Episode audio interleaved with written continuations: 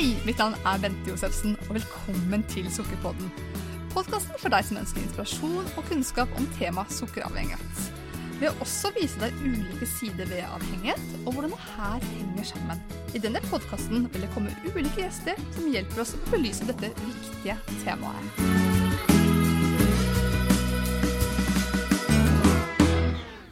Med meg i dag så har jeg Sofie Hekseberg. Hyggelig å ha deg her. Veldig hyggelig å få komme. Ja, og for de som ikke kjenner deg, så er du, du er lege og har doktorgrad fra Universitetet i Bergen. Riktig. Du er en ettertraktet foredragsholder, jeg har selv hørt deg. Og i tillegg så har du gitt ut hele ni bøker. Det er imponerende, Sofie. Takk. og kanskje den, mest, den flest kanskje kjenner til, er jo den 'Frisk med lavkarbo', som kom for en del år siden. Men nå har du også en ny bok som heter eh, 'Nytt blikk på autoimmun autoimmune sykdommer'. Det var vanskelig der. Men fortell litt mer om deg selv, Sofie. Ja, jeg har vært veldig opptatt av kosthold egentlig siden jeg var i tenårene. Eh, og etter hvert så ble jeg mer opptatt av kosthold da i forhold til helse, når jeg studerte og sånn. Vi lærte jo veldig mye at fett var farlig, og kolesterol var farlig, så i begynnelsen så var det veldig sånn fettfattig kosthold og redd for å få hjerteinfarkt, og jeg var vegetarianer i en 15 års tid eh, på grunn av det. Men så etter hvert så fikk vi jo masse ny informasjon på internett, og jeg leste veldig mye der, og, og fikk høre om veldig mange som eh, hadde veldig gode effekter av et lavkarbokosthold. Så begynte jeg å lese veldig mye om det, og så har jeg jobbet med det siden 2006. Og fra 2010 så har vi jo laget vi eh, Dr. Heksebergs klinikk sammen med min mann Erik Hekseberg. Mm. Så nå er det ikke bare lavkarbo, vi er blitt mer og mer opptatt av dette med matintoleranser, og for så vidt også dette med sukkeravhengighet, og eh, ja, forskjellige aspekter ved, ved mat og helse. Mm. Mm. Så vi driver da, vi har klinikk i Sandvika og i Tønsberg, og så driver vi også utstrakt med telefonkonsultasjoner. Ja, så det så ja. egentlig folk hvor som helst i verden, faktisk. Ja da, faktisk. Ja da. det er fantastisk. Det var strålende. Eh, men de, vi, de, temaet i dag det er autoimmune sykdommer. Ja. Sant? Eh, mm. Kan du begynne først, først, å fortelle hva er nå det, hvis vi ikke kjenner til det? Ja, slik som vi lærte det på studiet, så er jo autoimmune sykdommer det er jo en sykdom hvor uh, kroppen lager antistoffer mot seg selv, og at det er egentlig bare noe som fortsetter av seg selv. Og det vanligste er jo da å behandle dette med, med medikamenter som da hemmer immunforsvaret. Mm. Uh, men uh, ifølge nyere forskning så, så, må man da ha tre forskjellige uh, faktorer for at man skal få en autoimmun sykdom. Man må ha en genetisk disposisjon, og man må ha lekk tarm. Og man må spise noe som lekker gjennom, og som trigger immunforsvaret. Så slik som vi ser på dette, så er jo f.eks. matproteiner kan utløse uh, dette med autoimmun tilstand. Så det er, ikke, det er, ikke, det at kroppen angriper seg selv bare sånn ut av intet. Det er en årsak, og gjerne et protein. Det kan være et protein fra mat, det kan være fra virus og bakterier osv. Så, videre. så mønstersykdommen på en autoimmun sykdom og i forhold til dette med kosthold, det er jo cøliaki. Sånn at da får man jo en skadet slimhinne, og årsaken er gluten, og det kjenner de fleste til. Og da er jo behandlingen akkurat ved den sykdom å ta vekk gluten, så blir de fleste friske. Det er ikke mm. alle som blir friske eh, ved cøliaki, noen også fjerne melk eller nøtter og frø og andre ting, men stort sett er det hovedregelen. Eh, men slik er det også med mange andre autoimmune sykdommer, at når man fjerner et matprotein, så blir man kvitt det. Og autoimmune sykdommer er det jo veldig mange forskjellige. Eh, det kan være da som nevnt cøliaki, men også psoriasis, leddgikt, bekterev, lupus, sjøgren Det er veldig mange forskjellige autoimmune sykdommer, veldig mange forskjellige navn. Og de færreste har egentlig autoimmune navnet sitt, så det er litt vanskelig å skjønne at de er autoimmune, faktisk. Ja. Og grunnen til at jeg syns det her er veldig spennende, er fordi at uh, vi samarbeider jo om en del klienter, og ja. det som jeg erfarer, er jo at dere, i motsetning til en del andre, ser jo på en måte hvordan ting henger sammen. Ja, at vi prøver med det. At det er en ja. rød tråd. Ja. og, og den, nettopp det at det er autoimmune kan ofte være en slik rød tråd. Ja. At noen kommer med, har kanskje vært sånn kasteball i helsevesenet, og vært sånn ene, ene utredningen til den andre, og andre behandling til den andre, og ja, ingen som ser se at det her er noe som henger sammen. Ja, det er helt riktig. Og, og, mange har jo Altså det er jo gjerne sånn hvis du har én autoimmunsykdom, så har du økt risiko for flere. Så noen har jo to, tre, fire stykker. Pluss at de gjerne er plaget med svingende blodsukker, de går rundt i en hjernetåke, de har vondt overalt. Eh, så ofte så har de en svær pakke av mange forskjellige ting. Så vi ser jo på alt det. Eh, når det gjelder disse med autoimmune sykdommer, så tar jo vi matintoleransetester. Vi anbefaler alle det.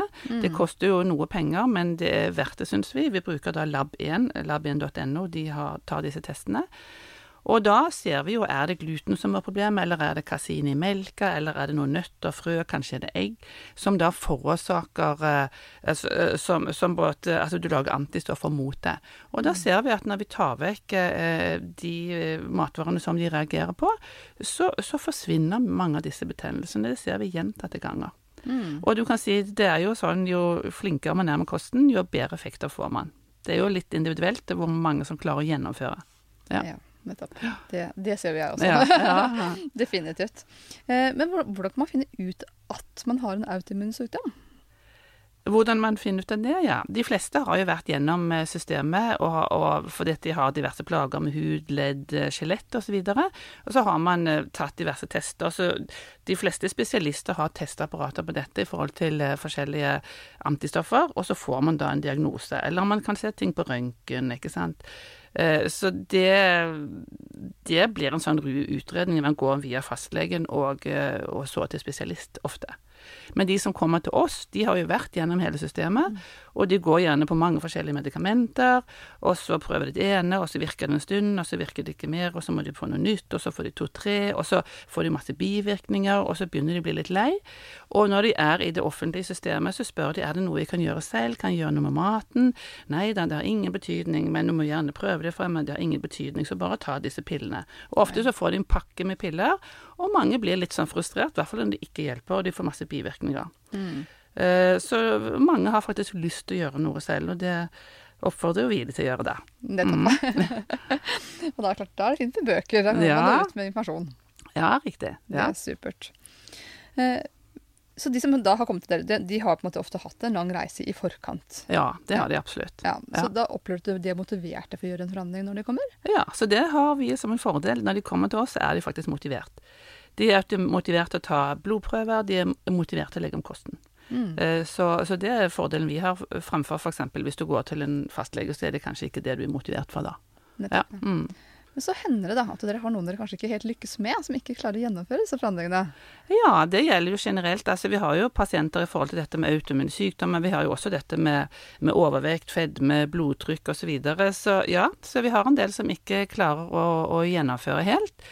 Eh, vi har mange som har lest mange bøker. De forstår alt. De har lest eh, omtrent like mye som vi har lest. Og veldig mange beleste der ute. Men, men, en del av de ramler hele tiden ut, liksom. De kanskje holder, klarer det to, tre, fire uker, og så ramler det uti. Og det er gjerne Det er litt forskjellig. Noen har jo veldig det der sukkeravhengige, mm. eh, som de liksom bare må ha noe sukker, og det kan være sukker, men det kan også være frukt og, og brødmat og bare det er karbohydrater, rett og slett. Sånn at hvis de, hvis de bare tenker jeg kan vel spise én skive, så er det kanskje på'n igjen, og så vil de ha det neste dag også, og så så, og, og, så kan det gå flere uker eller måneder før de klarer å, snu igjen. Mm. Så vi har jo de som ramler ut på den måten, og så er det noen som har eh, i forhold til familie f.eks. et ganske sånn stort press. ikke sant, Skal du ikke spise litt kake, du må jo kose deg litt, og, um, eller skal du ikke ha en is, og Mens andre igjen ikke har det presset. Så det er veldig forskjellig hvilke miljø, altså familie, venner, du omgås med i forhold til å mestre dette. Mm. Ja. Uh, og, de, og, så er det noen som bestemmer seg bare sånn veldig 'dette skal jeg klare', og bare, de bare går all in og bare gjør det. Og de som gjør det, de får jo kjemperesultater. Mm. Mm. Og det har jeg, ja. har jeg vært vitne til. Ja, vi har ja, ja, riktig. Så de ble kvitt masse plager, plager som de ikke tenkte at de hadde engang, kanskje. For de har bare levd med det. Veldig mange lever jo med masse plager som de bare tenker ja, sånn er det. For eksempel, hvordan er det med tarmen? Å ja Nei, altså, du diskuterer jo liksom ikke familieselskapet hvordan det er å gå på do, og hvordan magen er og sånn, så veldig mange går rundt med utrolig mange plager mm. som, som, de bare tror skal være sånn.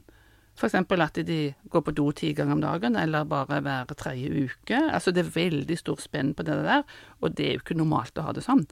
Jeg tenker at Det selges så mange preparater og produkter også som skal som, gå på dette med problemer med magen. Så det fremstilles så nesten som at dette er normalt, da. Ja, ja, ja vi har jo små barn altså i to-treårsalderen som får avføringsmidler. Ja. Men egentlig så er kanskje problemet at de ikke tåler melk, og så fjerner de melk og melkeprodukter, og så kommer de på do sånn som de skal. Mm.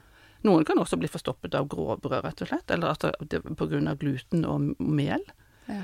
Så det er alle variasjoner på det temaet der, altså. Mm. Mm. Men kost blir liksom aldri prøvd først. Det er på en måte rett på forskjellige midler, som du sier. Mm. Ja, absolutt. Ja. Eh, Men du har jo vært litt, litt innom dette med betennelser. Hvilken sammenheng ser du med, su med sukker og betennelser? Ja, altså vi har, Når det gjelder betennelser, så har vi jo Vi gir jo god informasjon om dette. For dette, f.eks. hvis vi har de med autoimmune, så er det selvfølgelig matintoleranser er vi veldig opptatt av. Men vi er jo også opptatt av dette med sukker, som jo fremmer betennelser hvis du har for mye av det. Og spiser du for mye sukker, altså karbohydrater, uansett hvor de kommer fra, mm. så produseres det også rikelig med insulin fra bukspyttkjertelen, og insulin i seg selv er betennelsesfremmende. Og så har vi dette her med omega-6 og omega-3-balansen. Veldig mange er jo veldig øh, skeive der, sånn at egentlig så skal balansen være sånn to til én i forhold til omega-6 og omega-3. Det er kanskje det ideelle, det optimale. Det var sånn det var før når vi spiste mat ute i naturen. Mens i dag ligger kanskje mange på sånn 15 til 1, øh, og i, USA snakker man om 30 til 1. Så vi får oss veldig mye omega-6 som fremmer betennelse. Og den store kilden der, det er jo alle disse vegetabilske oljene som vi er blitt anbefalt å spise. Mm. Eh, og det er jo type sånn solsikkeolje, soyaolje, maisolje, peanøttolje, den type ting. Margariner. Ja, og margariner, som er jo ofte laget av solsikker og den type ting. Så det har vi, ja. Så det er jo også en ting. Og så er det disse matintoleransene. Så er det andre faktorer. D-vitamin er også viktig i forhold til betennelse. Magnesium, sink, selen. Det er flere faktorer som er viktige. Så vi måler jo mye av dette her. Vi måler det som måles kan i forhold til kosttilskuddet. sånn. For noen trenger jo også tilskudd av det. Mm. Men i forhold til sukker så er vi jo veldig opptatt eh, De fleste mange får det jo veldig mye bedre når de spiser færre karbohydrater og mer fett. For da får de mer stabilt blodsukker, og da får de ikke dette her at blodsukker fyker opp, og så raser det ned, mm. opp og ned og opp og ned. For veldig mange får jo et sug når blodsukker faller. Og det, og det, er jo på en måte helt naturlig, for kroppen sier fra at du må få i deg sukker, for det er for lavt nå, eller det raser nedover. På lik linje med en, en diabetiker som tar en insulindose. Hvis det blir for mye insulin, så raser blodsukkeret ned, og da får de føling. Så mange går jo rundt og skjelver og er urolig og får litt sånn småangst fordi de har dette fallet i blodsukker. Mm. Og det er veldig enkelt, enkelt, å gjøre noe med. Det er rett og slett bare å tørre å spise mer fett og redusere betydelig på karbohydratene. Mm. Og den fettskrekken, den kan sitte hardt i. Den sitter hardt i. Så vi har jo noen av de som går på såkalt lavfettkosthold, for de skal holde vekten eller gå ned i vekt. De, de er redd for fett, og så vil de gå på et lavkarbokosthold, for de hører at det er bra. Eh, men de tør jo ikke øke fettinntaket, og da sitter de på en måte og spiser kyllingfileter, altså mest protein. Og da føler man seg ikke vel. Så man må få inn fettet. Og fett er kjempeviktig for hjernen også.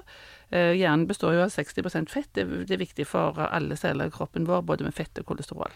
Mm. I naturlig form. Mm. Mm. Det er ikke vi møter opp på en del av de samme utfordringene. Ja, ja. Nå må gå noen runder. Ja, og, ja. og tenker jeg også det med å, erfare hvilken forskjell det gjør. Ja, man skjønner det ikke før man egentlig har erfart det. Nei, det er helt riktig. Sånn. Og mange får en aha-opplevelse. Syns det er så deilig at de slipper å spise seks ganger om dagen. For før har de gjerne hatt liksom noe sukker og noe frukt og sånn overalt i, i bilen og i vesker og sånn. Og så tenker jeg å, nå er det så deilig nok, trenger jeg bare å spise tre ganger om dagen. Eller kanskje bare to ganger om dagen. Mm. Og noen syns det er helt befriende. Ja. Og det interessante er jo Dette er jo veldig sånn stikk i strid med de offentlige kostholdsrådene. Ja. Lite og ofte. ja, ja, ja, ja. Og den sitter også veldig hardt, for, for de har jo hørt at du må spise tre mellommåltider osv. Så og sånn. Så det å spise to-tre ganger om dagen det er helt utmerket så lenge du spiser nok fett og har nok fett på kroppen å ta av, og det har de fleste av oss, og stabilt blodsukker. Og mm. da er du mye mer stabil i humøret og energien og i det hele tatt. Definitivt. Og det er jo Du var så vidt innom dette med angst også, og det er jo faktisk de som faktisk blir kvitt angsten når ja, blodsukkeret blir stabilt. Ja, ja, jeg har hatt mange av de som har blitt kvitt angst på det. Som, noen, noen, kan si ja, men jeg har angst, men det er jo naturlig, for jeg hadde så mange traumer i barndommen og sånn. Og så går de på et lavkarbo stabilt blodsukker, så forsvinner hele angsten.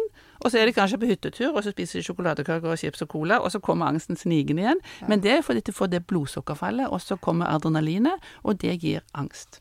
Mm. Uro og angst. Mm. Det får man ikke prate seg bort fra. man får spise seg bort fra. ja, nemlig. nemlig. Helt enig. Ja. ja. Nettopp det. Uh, men så er det noe med miljøfaktor og gener. Kan du si noe om det, Sofie? Altså, sånn, vi er født med noen gener. Ja, vi er født med et sett med gener. Men det som er med de genene, det er mye forskning på nå. For vi har genene, men vi har også noe som heter epigenetikk.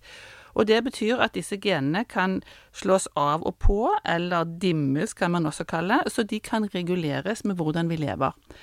Så, så, det er veldig interessant. Så livsstilen, da, hvordan man lever, betyr veldig mye i forhold til hvilke gener som blir uttrykt. Så for eksempel så kan man se på eneggede tvillinger.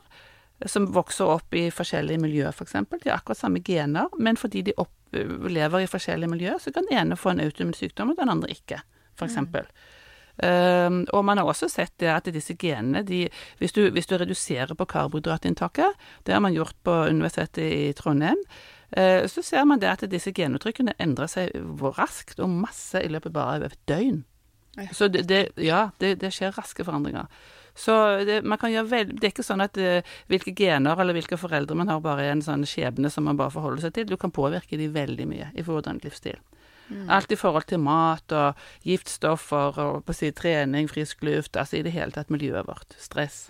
Mm. Mm, ja. Og det er jo faktisk en god nyhet, tenker jeg. Ja, det er en veldig god nyhet. Ja, ja, for veldig mange sier jeg kan ikke gjøre noe, for både mor og far fikk jo hjerteinfarkt, så da får sikkert jeg det også. Men, men, det, men, sånn er det ikke, altså. Man kan ikke komme med den unnskyldningen lenger. Nei. ikke hvile på den. Og det kan kanskje være fint også å vite at det, finnes, det ja, finnes andre veier. Ja, det finnes håp her, altså. Ja, nettopp. Det er så bra. Uh, men du nevnte også litt med peptider. Ja, peptider, ja. Altså hvis du da denne uh, lekke tarmen, jeg vet ikke om tilhørende helt uh, skjønner det, men hvis man ser på fordøyelsesapparatet som på en måte starter i munnen og slutter i endetarmen, så kan du se på det som en hageslange som går gjennom det omtrent. Så det er et rør og der er det en slimhinne, og der, der, skal være en barriere, men denne slimhinnen den kan være litt ødelagt. Det er da vi får dette med lekt tarm. Så de cellene som egentlig skal ligge tett i tett i tett, de glir litt fra hverandre, slik at det er litt sånne større huller. Så la oss si at det f.eks. kommer La oss si at du f.eks. spiser brødskiver, så kommer det gluten ned i, i, i tarmen, og så skal det brytes opp. Så brytes det opp i mindre enheter, og det blir mindre proteiner, og de kalles peptider. Så? Og de peptidene skal egentlig brytes ned til aminosyrer, og det er aminosyrene som skal gå over i blodet og gi nye proteiner og osv. bygge kroppen. Men hvis man da har disse litt større hullene, så kan hele peptidet gå over i blodet. Og det går da rundt og trigger immunsystemet, sånn som vi snakket om, i forhold til forskjellige betennelsessykdommer. Men så tar det seg også en svingom inn i hjernen, og der hekter det seg til morfinmottakerne og eh, kan gi morfinlignende effekter. Mm. Og på en måte en av, kan være avhengighetsskapende som morfin. Så mange som har dette her, eh, eksempel mange bare sånn 'Jeg bare elsker brød. Jeg bare elsker bakst.' ikke sant? Eller det kan være melk og melkebruk. Jeg bare må ha det. Litt sånn. Eh, så, så, de liksom syns det er veldig sørgelig når de sier at du bør slutte med melk og melkeprodukter, for det er liksom helt kjempevanskelig for dem. Men da bare sier vi ja, det blir som at du er på en måte morfinist på dette her, og da, da må du ta det vekk. Og veldig mange av disse òg går inn i en sånn tåke, litt sånn rusaktig tåke. Sånn at de har dårlig konsentrasjon, hukommelse, føler at de går en sånn bomull inni hodet. Mm. Og, ja, så de klarer liksom dårlig både på jobben og konsentrasjon og studier osv. Så, videre. så når de tar vekk dette F.eks. for eksempel det, det, som ofte er eh, problemet der, så langt vi kjenner til i hvert fall, det er gluten og kasin, altså kasin i melk. Mm. Eh, når de tar vekk dette her, så, så, på en måte våkner de til live og får en helt annen arbeidskapasitet. Det er mm. ganske fascinerende, og det går ofte to-tre uker, og så liksom jøss, var det sånn verden så ut? Nettopp. så det er ganske fascinerende. Men, men disse her eh, som har det sånn, en del av disse Vi har også hatt en del av de som har hatt spiseforstyrrelser. Og så tar de vekk det proteinet som de ikke tåler, som vi da har påvist på tester. Og, eh, og, og, når det liksom vekk, så, så, har de ikke spiseforstyrrelsen heller lenger. Altså, Spiseforstyrrelser kan jo ha mange årsaker, men det kan være én årsak, og det er jo egentlig en ganske quick fix, hvis du bare gjør det. Mm. Ja, Det er noe man kan prøve, i hvert fall. Mm. Absolutt interessant. Så vi måler disse peptidene, de kan måles i urin. Ja. Fordi de går gjennom blodet, og så går de gjennom nyrene, og så skiller du ut urin. Så der kan vi måle per i dag eh, peptider fra gluten og kasein. Mm. Mm. Eh, er det sånn sånn at, man kan ta disse prøvene uansett hvor man bor i landet, eller må man oppsøke dere på klinikken for å ta dem? Uh, man, man, kan egentlig, og så lenge Lab 1 er jo et uh, privat laboratorium, så man kan gå rett til Lab 1 og ta de prøvene man vil. Det er bare å kontakte dem. Men dersom man ønsker litt Eh, vite hvilke prøver man skal ta, og tolkning av prøvene. For det er jo noe med å tolke prøvene, så bør man ha kontakt med oss før og etter. Ja, det skjønte jeg, men det må man fysisk møte henne? Nei, nei, nei. nei. Så, vi, vi, kan ha pasienter oppe i Hammerfest. Vi, vi bare snakker med dem og rekvirerer de prøvene vi syns de skal ta. Og stort sett så går det veldig bra. De kan ta dette hos fastlegen, eller hvis det er et laboratorium i nærheten, eller et sykehus. Så det går veldig fint. Ja. ja mm. ok, men Det er supert, for det er greit for lytterne å vite. Ja, ja. de må ikke bo på Østlandet for å Nei da, vi har hele landet som arbeidsfelt. Ja, ja men så bra.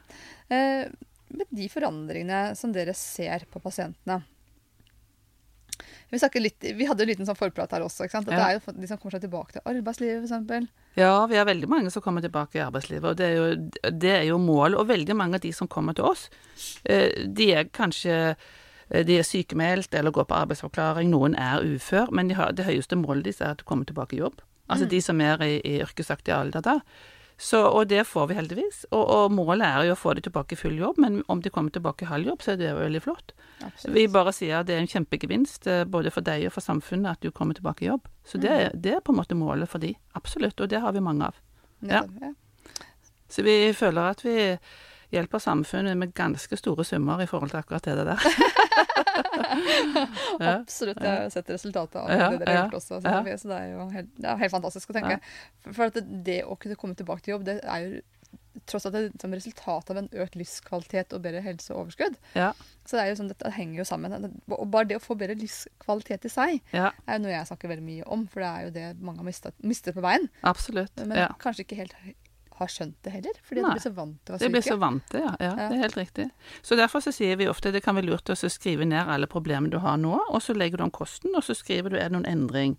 På en skala fra null til ti, for eksempel, fordi at man har en tendens til å glemme litt. Grann, så hvordan var det for tre måneder siden? Og da ser du liksom hvordan eh, resultatet du får. Og det kan være greit å ha, spesielt hvis du ramler utpå og liksom at alt skjærer seg i en eller annen forbindelse. Det kan det gjøre i løpet av livet. Livet er ikke så lett. Nei. Plutselig er det en som dør, og så er det noe sorg her og ting og tang som skjer, og da, da kan du ramle utpå. Men da kan du gå tilbake når du er klar igjen og så si jøss, det var det jeg opplevde faktisk når jeg gikk på kosten som var riktig for meg. Mm.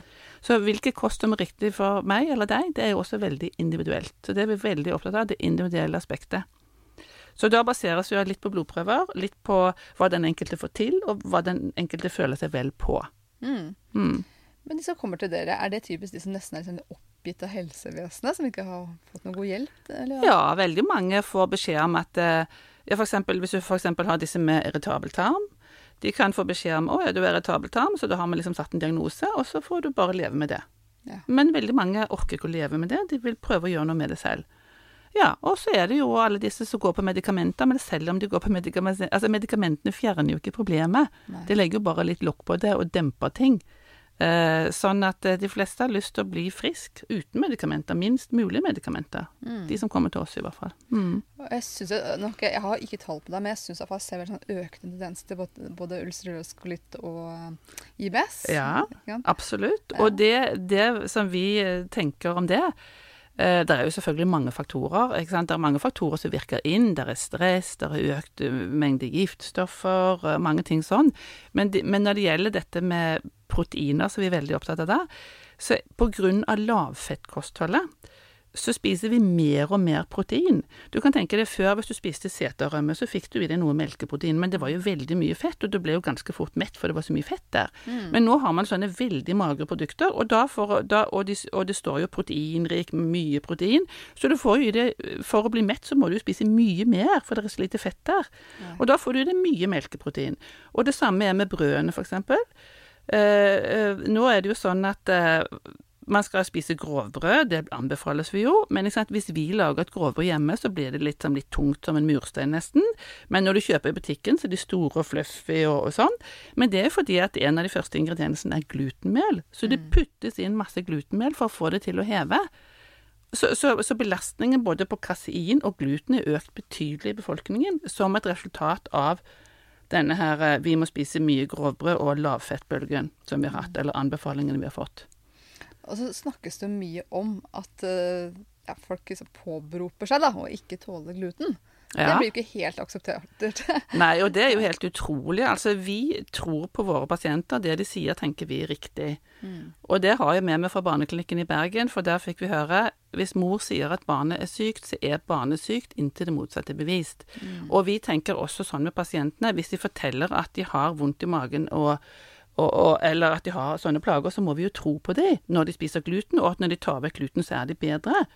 Da er jo det sant, Ja.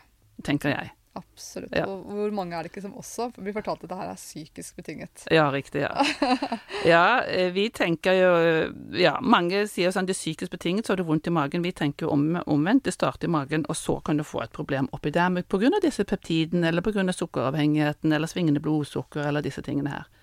Så jeg tenker at det starter ofte i magen, faktisk. Ja. Ja.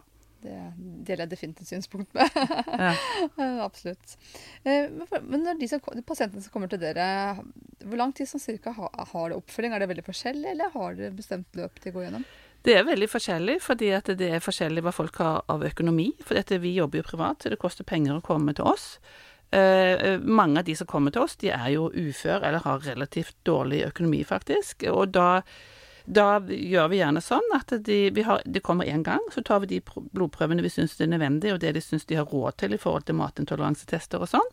Og så kommer de til en kontroll etter fire uker. Og da, hvis de da føler at uh, dette er greit, dette klarer jeg, ja, så slipper vi de der. Og så sier du velkommen tilbake når du måtte ønske det. Men så er det noen som ønsker regelmessig kontroll, som kommer, vil komme en gang i måneden, noen kommer hver tredje måned, noen hver sjette måned. Og det kommer jo an på hvor syke de er, egentlig. Hvor mye de har som bør følges opp, og hvor mye de føler at de trenger å ha en støttende hånd på veien. Så det er veldig individuelt, både i forhold til økonomi og hva de føler de kan klare. Noen er jo bare sånn OK, du sier jeg skal gjøre sånn, ja da gjør jeg det, da. Og så bare de all in, og så bare gjør de det. Mens andre må liksom støttes og hjelpes på veien. Mm. Mm. Ser du noen forskjell på kvinner og menn der? Uh, ja, nå er det sånn på en eller annen vis har det blitt sånn at Erik har flest menn. uh, eh, ja, altså tror, mitt inntrykk er litt sånn Altså det ser du også på røyking, eksempel. Hvis en mann sier 'nå slutter jeg å røyke', så bare slutter han tvert, og så er ferdig med det. Mens kvinner er kanskje litt mer sånn on-off, on-off. Altså de litt eh, ja, jeg syns det. Og, men liksom, også menn, hvis de skal gå ned i vekt, eksempel, så OK, da bare gjør jeg det, da. Og så raser de ned i vekt, og det var veldig greit. Mens kvinner er liksom litt mer av og på et inntrykk jeg har. Skal ikke si det for sikkert, men Ja, det er veldig individuelt for hvert person. Ja. det er klart. Nei, jeg syns ser en tendens da, til at menn er mer sånn OK, jeg gjør det du sier. ja, så du er litt enig med meg. Du er litt enig. Ja, det er, litt, det er et inntrykk, det er ikke noe forskningsbasert. Nei, nettopp det. Vi snakker om bare erfaring. Ja, ja. Ja, men Det er kjempespennende, Sofie. Og vi, altså, vi har jo også et samarbeid, for, bare for å nevne det helt Ja. kort.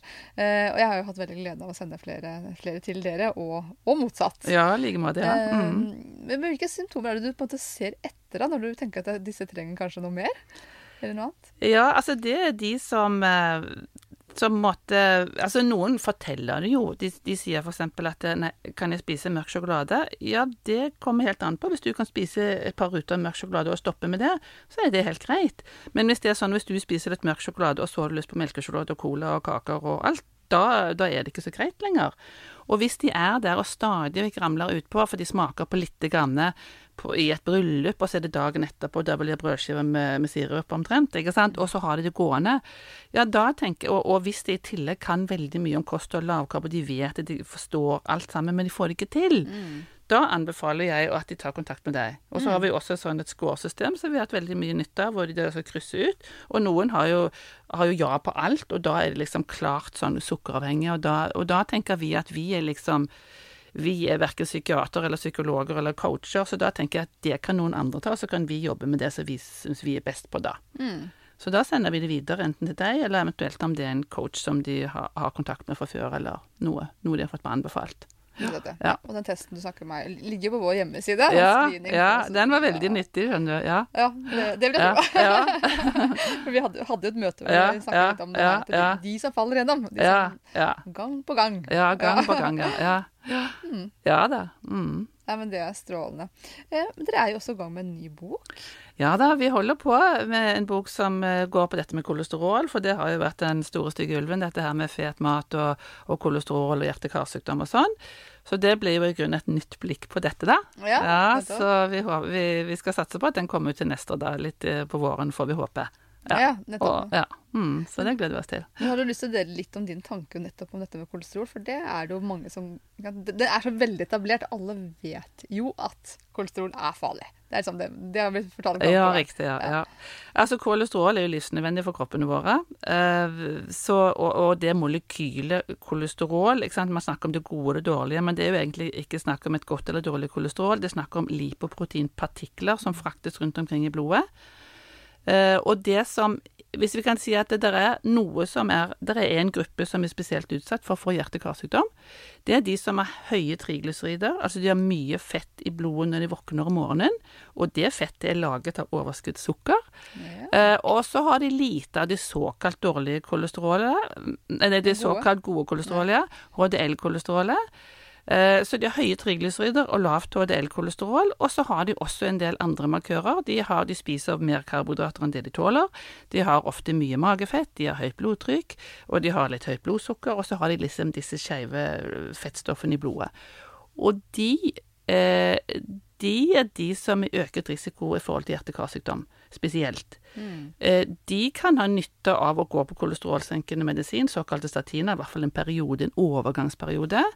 Eh, vi tar aldri det vekk på de personene hvis de er sånn. For når de har den profilen med høye triglycerider, lavt HDL-kolesterol, så har de såkalt stor, nei, små, tette LDL-partikler.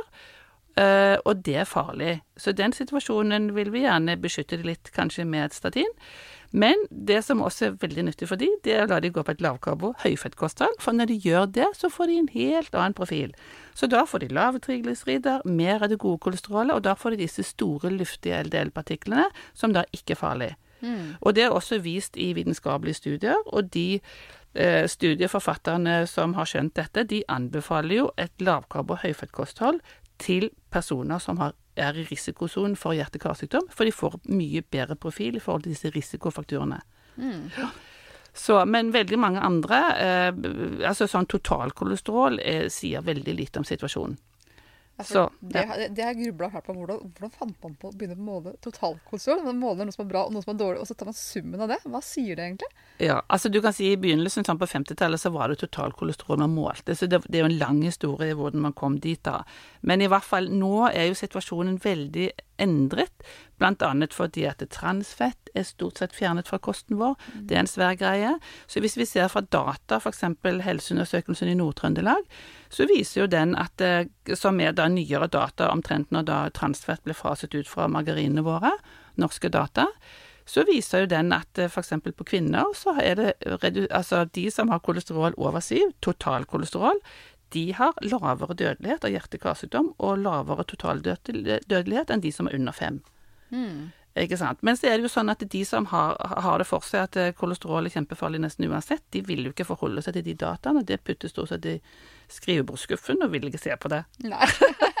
Men det er nye, de nyeste dataene i Norge, på en måte. Så de må vi jo stole på. Ja.